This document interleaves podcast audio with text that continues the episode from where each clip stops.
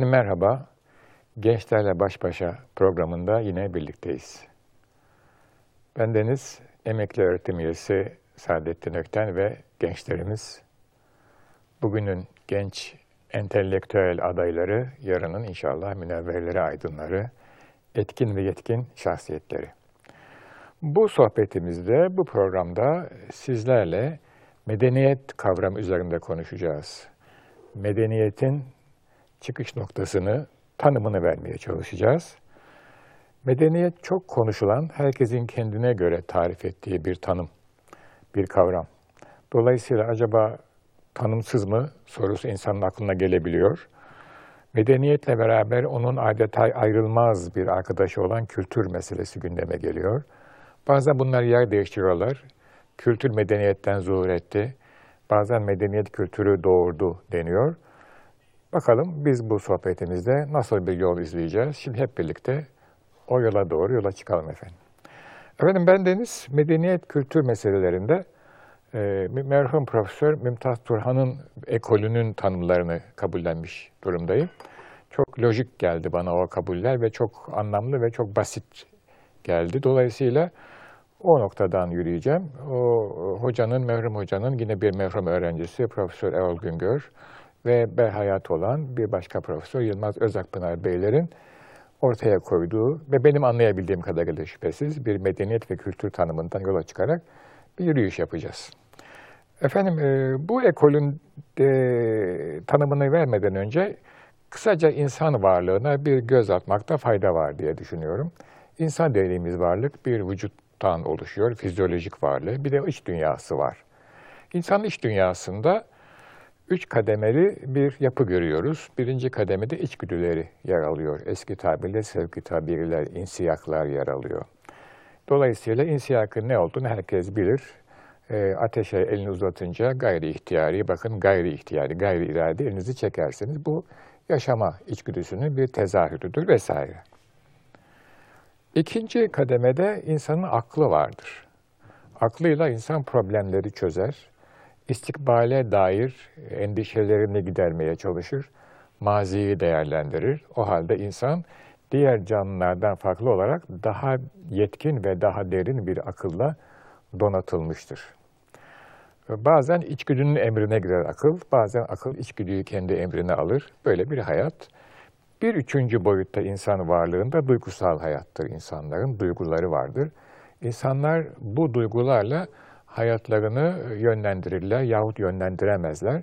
Bazen duygular hayatta çok ağır basar, aklı ve içgüdüyü e, kapsar, onların önüne geçer. Bazen duygular zayıf kalır. Böyle bir üçlü içerisinde insan hayatı geçiyor. Ancak bütün eylemlerimizde ve davranışlarımızda, hatta jestlerimizde, mimiklerimizde, malum mimik yüzün hareketlerin, içgüdülerin, e, aklın ve e, duyguların aksini görürüz. Yani vücut olmadan bu iç dünyamızdaki etkenler dışa çıkmıyor. Vücut bunların bir ifade vasıtasıdır. Eylem vasıtasıdır. Ancak yaşamak için, hayat sürmek için e, bunlar kafi değil insanlara. Bu üçlü sistemi idare edecek ve bunların vücut üzerinden dışarı aktarımını sağlayacak bir başka doneye, bir başka veriye dahi insanların ihtiyacı var. Onun mahiyetini e, söylemeden önce şöyle söyleyelim. İşte bu başka veriye, bu başka doneye biz medeniyet tasavvuru diyoruz. Dolayısıyla medeniyet tek başına bir kelime olmaktan çok bir tamlama olduğu zaman ifade ediyor. Yukarıda e, değindiğim hocalarımızın ekolüne göre medeniyet tasavvuru veya medeniyet telakkisi veya medeniyet algısı. Ben deniz medeniyet tasavvuru tabirini tercih ediyorum. Bu şahsi bir tercihtir. Tasavvur bana daha anlamlı geliyor bu noktada. Çünkü hem bugüne ait hem geleceğe ait bir hadise tasavvur. Dolayısıyla e, onun üzerinden yürüyeceğim. E, nedir o e, sistem? Yani bu üçlüyü idare edecek olan sistem veya niçin böyle bir sisteme gerek var? Şunun için gerek var. Bütün insanların, daha genel söylersek, insanlığın evrensel soruları var. Bu sorular toplumun bütün kademelerinde az veya çok ölçekte ve bütün toplumlarda, tarih boyunca bütün toplumlarda sorulmuş olan sorular. Bir tanesi şu, etrafında yaşadığım ve gözlemlediğim evren nedir? Menşei nedir? Mabadi nedir? Yani önü sonu evveli ahiri nasıl oluşmuştur? Ve bunun yapısı, maddesi, materyali nedir? İnsan bu soruyu mutlaka sorar. Güneşe bakar, aya bakar, yıldızlara bakar, iklimlere bakar vesaire. Ve devam eder. Benim birey olarak bu evren içindeki yerim, fonksiyonum, makamım neresidir? Bu soruyu mutlaka sorar. Bu sorunun cevabını bu sözünü ettiğim içgüdü, akıl ve duygu e, alanları cevaplandıramaz, veremez böyle bir cevap. Bir tanesi bu. İkincisi davranış meselesi. Şimdi insanın davranış özgürlüğü vardır. Bunu şöyle görüyoruz. Diğer canlılara baktığımız zaman diğer canlıların davranış özgürlüğü yok. Neden? Çünkü onlar içgüdülerinin emrettiği istikamete davranırlar. Hatta çok net olarak herkes gözlemlemiştir ki bütün e, hayvanlar mesela arılar, sinekler, kediler, kuşlar hep birbirini tekrarlayan hayatlar sürerler. Ben deniz hani dünya hayatına göre kısacık ömrümde ne kadar çok değişik işler yaptım. Etrafında hayatın macera, mecrasını değiştiren birçok insanlar gördüm. Neden? İnsan onlardan farklı olarak farklı şeyler yapabilme seçeneğini elinde tutuyor. Böyle bir özelliği var. Peki bu davranış özgürlüğü sırasında benim uymam gereken kurallar var mıdır? Yoksa yok mudur? Eğer içgüdü olsaydı ben de sadece böyle bir kurala gerek yoktu. Zaten o bana ne yapacağımı söylüyor. Biraz erken biraz geç işte bahar gelince e, kuşlar göç ediyorlar. Sonbaharda da tekrar geri dönüyorlar. Bu belki binlerce yıldır böyle sürüyor. İnsan bunların yolunu bozuyor. Müdahale etkisi insanda var veya yeteneği. O zaman bir takım davranış kuralları gerekiyor insanlara. Neden? Mesela e, şöyle yaptığınız zaman içinizde bir şey keşke böyle yapmasaydım diyor. Yahut da iyi oldu yaptım diyor. Buna diyoruz ki biz sanki vicdanla ben çatışıyor yahut çatışmıyor. Bir hadise oluyor, siz onu yönlendiremiyorsunuz. Bu defa diyorsunuz ki benim dışımda bir güç mü var acaba? Kader diyelim isterseniz adına. Bu güçle ben dediğim varlık çatışıyor yahut çatışmıyor. Demek oluyor ki davranışlarımızda bize bir kurallar bütünü lazım, bir rehber lazım. Bir başka soru, bunu herkes sormuyor ama soranlar ciddi manada soruyorlar. Bilgilerimizin kaynağı ne kadar sahih? Yani biz bir takım bilgiler ediniyoruz. Mesela işte gözlemliyoruz, deney yapıyoruz, nakli bilgiler geliyor ve seziyoruz. Sezgilerimiz var. Bunlar ne kadar sahih? Gerçek bilgi acaba ne? Bir de güzel çirkin nasıl oluyor? Neden güzel, neden çirkin? Bu, bu, bu tür şeyler, bunlar felsefi sorular ama bütün insanlar soruyorlar. İşte medeniyet tasavvuru dediğimiz olay, dediğimiz olgu bu bütün sorulara cevap veriyor. Bu bir cevap e, şeyi. Medeniyet tasavvuru bir cevap verdiğine göre bu cevabın niteliğine, mahiyetine bakarsak şunu görüyoruz. Bunu biz akıldan çıkaramıyoruz. Deneyden de çıkaramıyoruz. O halde bunun sonucu bu nakli bir bilgi ve bir postüla niteliğinde bir bilgi. Bir medeniyet tasavvuruna inanırsınız, kabul edersiniz yahut etmezsiniz. Dolayısıyla medeniyet tasavvuru bir inanç aynı zamanda. İnanç olduğu zaman işin mahiyeti biraz değişiyor tabii. Şöyle değişiyor. Ne inanç olabilir hayatta başlangıç olarak? Ya bir din inanç olur yahut da felsefi bir sistem inanç olur. O halde medeniyet tasavvurunun belki kaynağını vahiy ve akıl olarak ikiye ayırmamız gerekiyor. Onu e, biraz sonra konuşalım isterseniz. Demek ki bir tasavvurda size kendi e, yaşadığınız evrenin hakkında bir bilgi veriliyor ve siz, sizin o evrendeki konumunuz söyleniyor. Ee, ikincisi size davranışlarınız hakkında iyi kötü yap yapma hakkında bir şeyler söyleniyor. Belki bunların gerekçeleri söyleniyor ve tasavvurda nasıl bir usulle ifade ediliyor, nasıl yapılacağı konusunda bir usulle ifade ediliyor. Bilginin kime ait olduğu, nasıl edinildiği bunlar hakkında bilgi veriliyor ve e, bir estetik e, tasarım, bir estetik kriter ortaya konuyor. Ahsen gibi, hüsün gibi, kubuh gibi vesaire. Bunların hepsi bir tasavvurun içerisinde var. Medeniyet tasavvuru bir sistemdir dedik. Yani zihinde bir sistem. Bunun anlamı ne? En üstte, en yukarıda bir temel kabul var. O temel kabulden çıkarsama yoluyla, mantık, mantıksal ilişkiyle aşağı doğru inen bir takım önermeler var, gerekçeler var. Dolayısıyla birbirine, birbirine e, hiyerarşik bir ilintiyle bağlı bir lojik sistem anlıyoruz medeniyet kabulünde.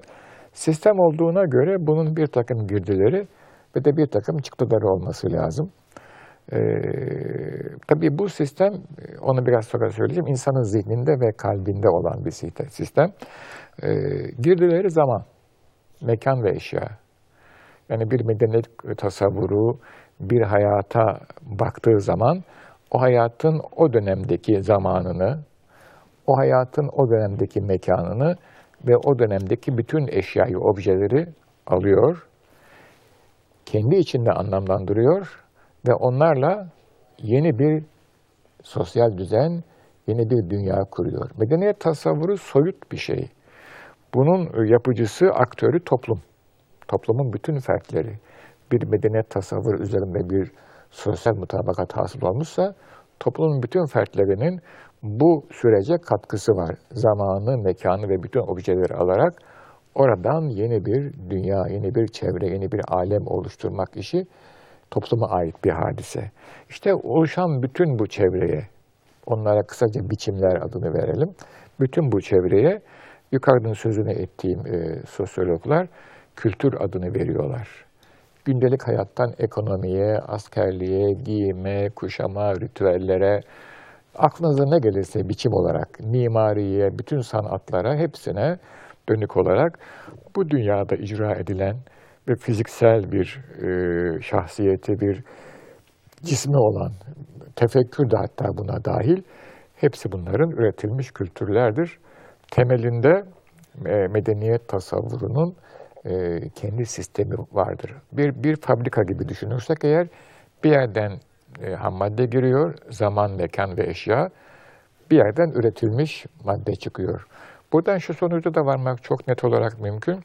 Yani farklı medeniyet tasavvurları aynı doneleri, aynı verileri kullanarak farklı biçimler üretirler. Bunu da çok net olarak görüyoruz. Mesela Anadolu toprağında daha önce var olan e, Ortodoks medeniyet tasavvurunun, Hristiyan medeniyet tasavvurunun ürettikleriyle daha sonra gelen İslam medeniyet tasavvurun ürettikleri arasında ciddi bir fark var. Birinden diğerine ögeler geçmiş mi? Geçmiş şüphesiz. O zaten geçmemesi mümkün değil ama temel özellik olarak çok anlamlı, ciddi bir fark var. Ha demek ki medeniyet tasavvuru böyle bir hadise. Biraz evvel sözünü etmiştik. Tekrar hatırlatalım. Bu tasavvurun iki kaynağı var. Bir tanesi akıl, bir tanesi vahiy.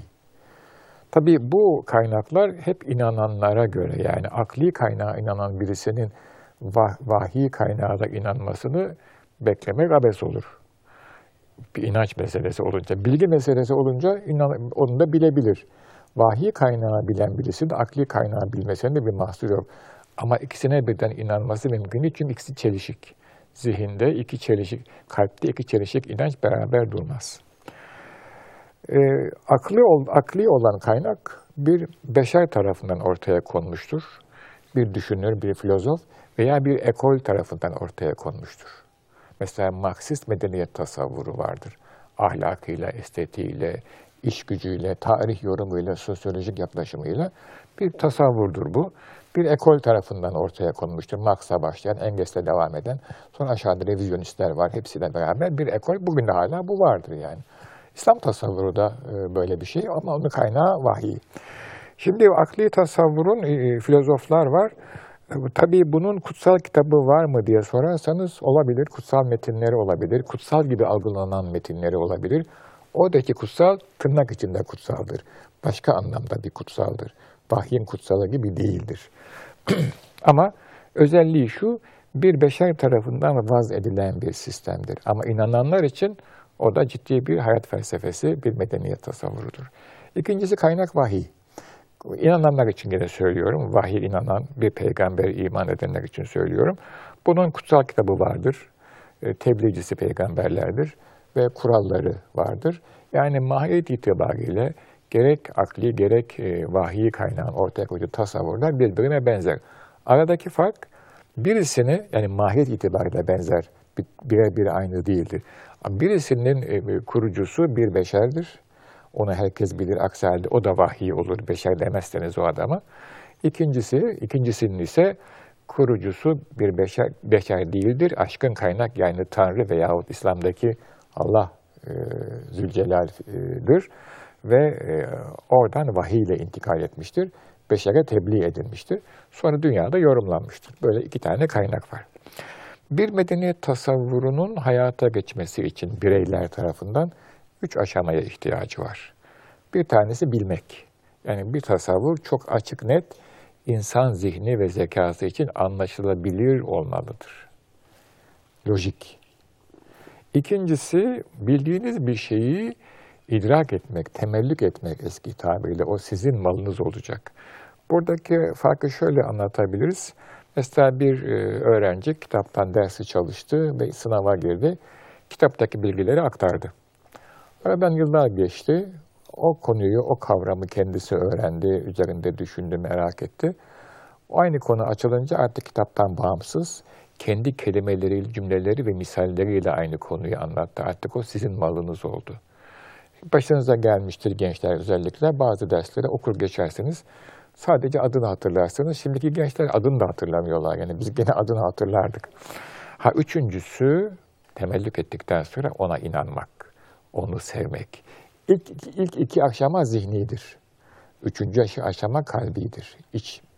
Çünkü bir insan e, sevmediği, beğenmediği bir e, olguyu, bir davranış biçimini, bir, e, bir e, sistemi hayatına geçirmez.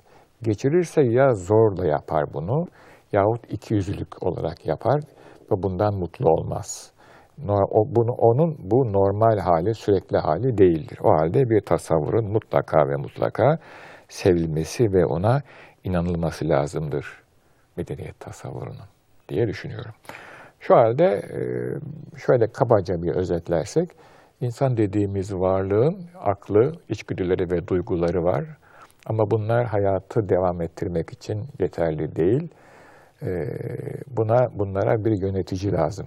Yahut bunların içinden birisini de yönetici, yönetici seçebilirsiniz. Yani mesela diyebilirsiniz ki ben içgüdülerimin emrine tabi olacağım. Bu da bir kabuldür. Bu da bir medeniyet tasavvurudur. Bunun da karşılığı hazcı medeniyet tasavvuru. Rasyonalistsem aklı ön çıkaracağım. Veya spiritüalistsem duygularımla yaşayacağım. Hepsini diyebilirsiniz. İşte bunları bir sistem ortaya koyuyorsunuz. Ona tasavvur diyoruz biz. Medeniyet tasavvuru. Bu sistem sizin sorularınıza cevap veriyor. Evrensel sorularınıza cevap veriyor. Evren ve ben. Neredeyim? Davranış problemimiz, ahlak, kurallar, niçin, nasıl, gerekli mi, gereksiz mi, niçin bunu yapıyorum. Ee, bir, bir başkası da bilgim ve güzellik anlayışım. Hangisi güzel, hangi, niye güzel, niye çirkin? Bunlar da izafi şeyler. Ha insanların üzerinde anlaştığı genel kurallar yok mu? Var.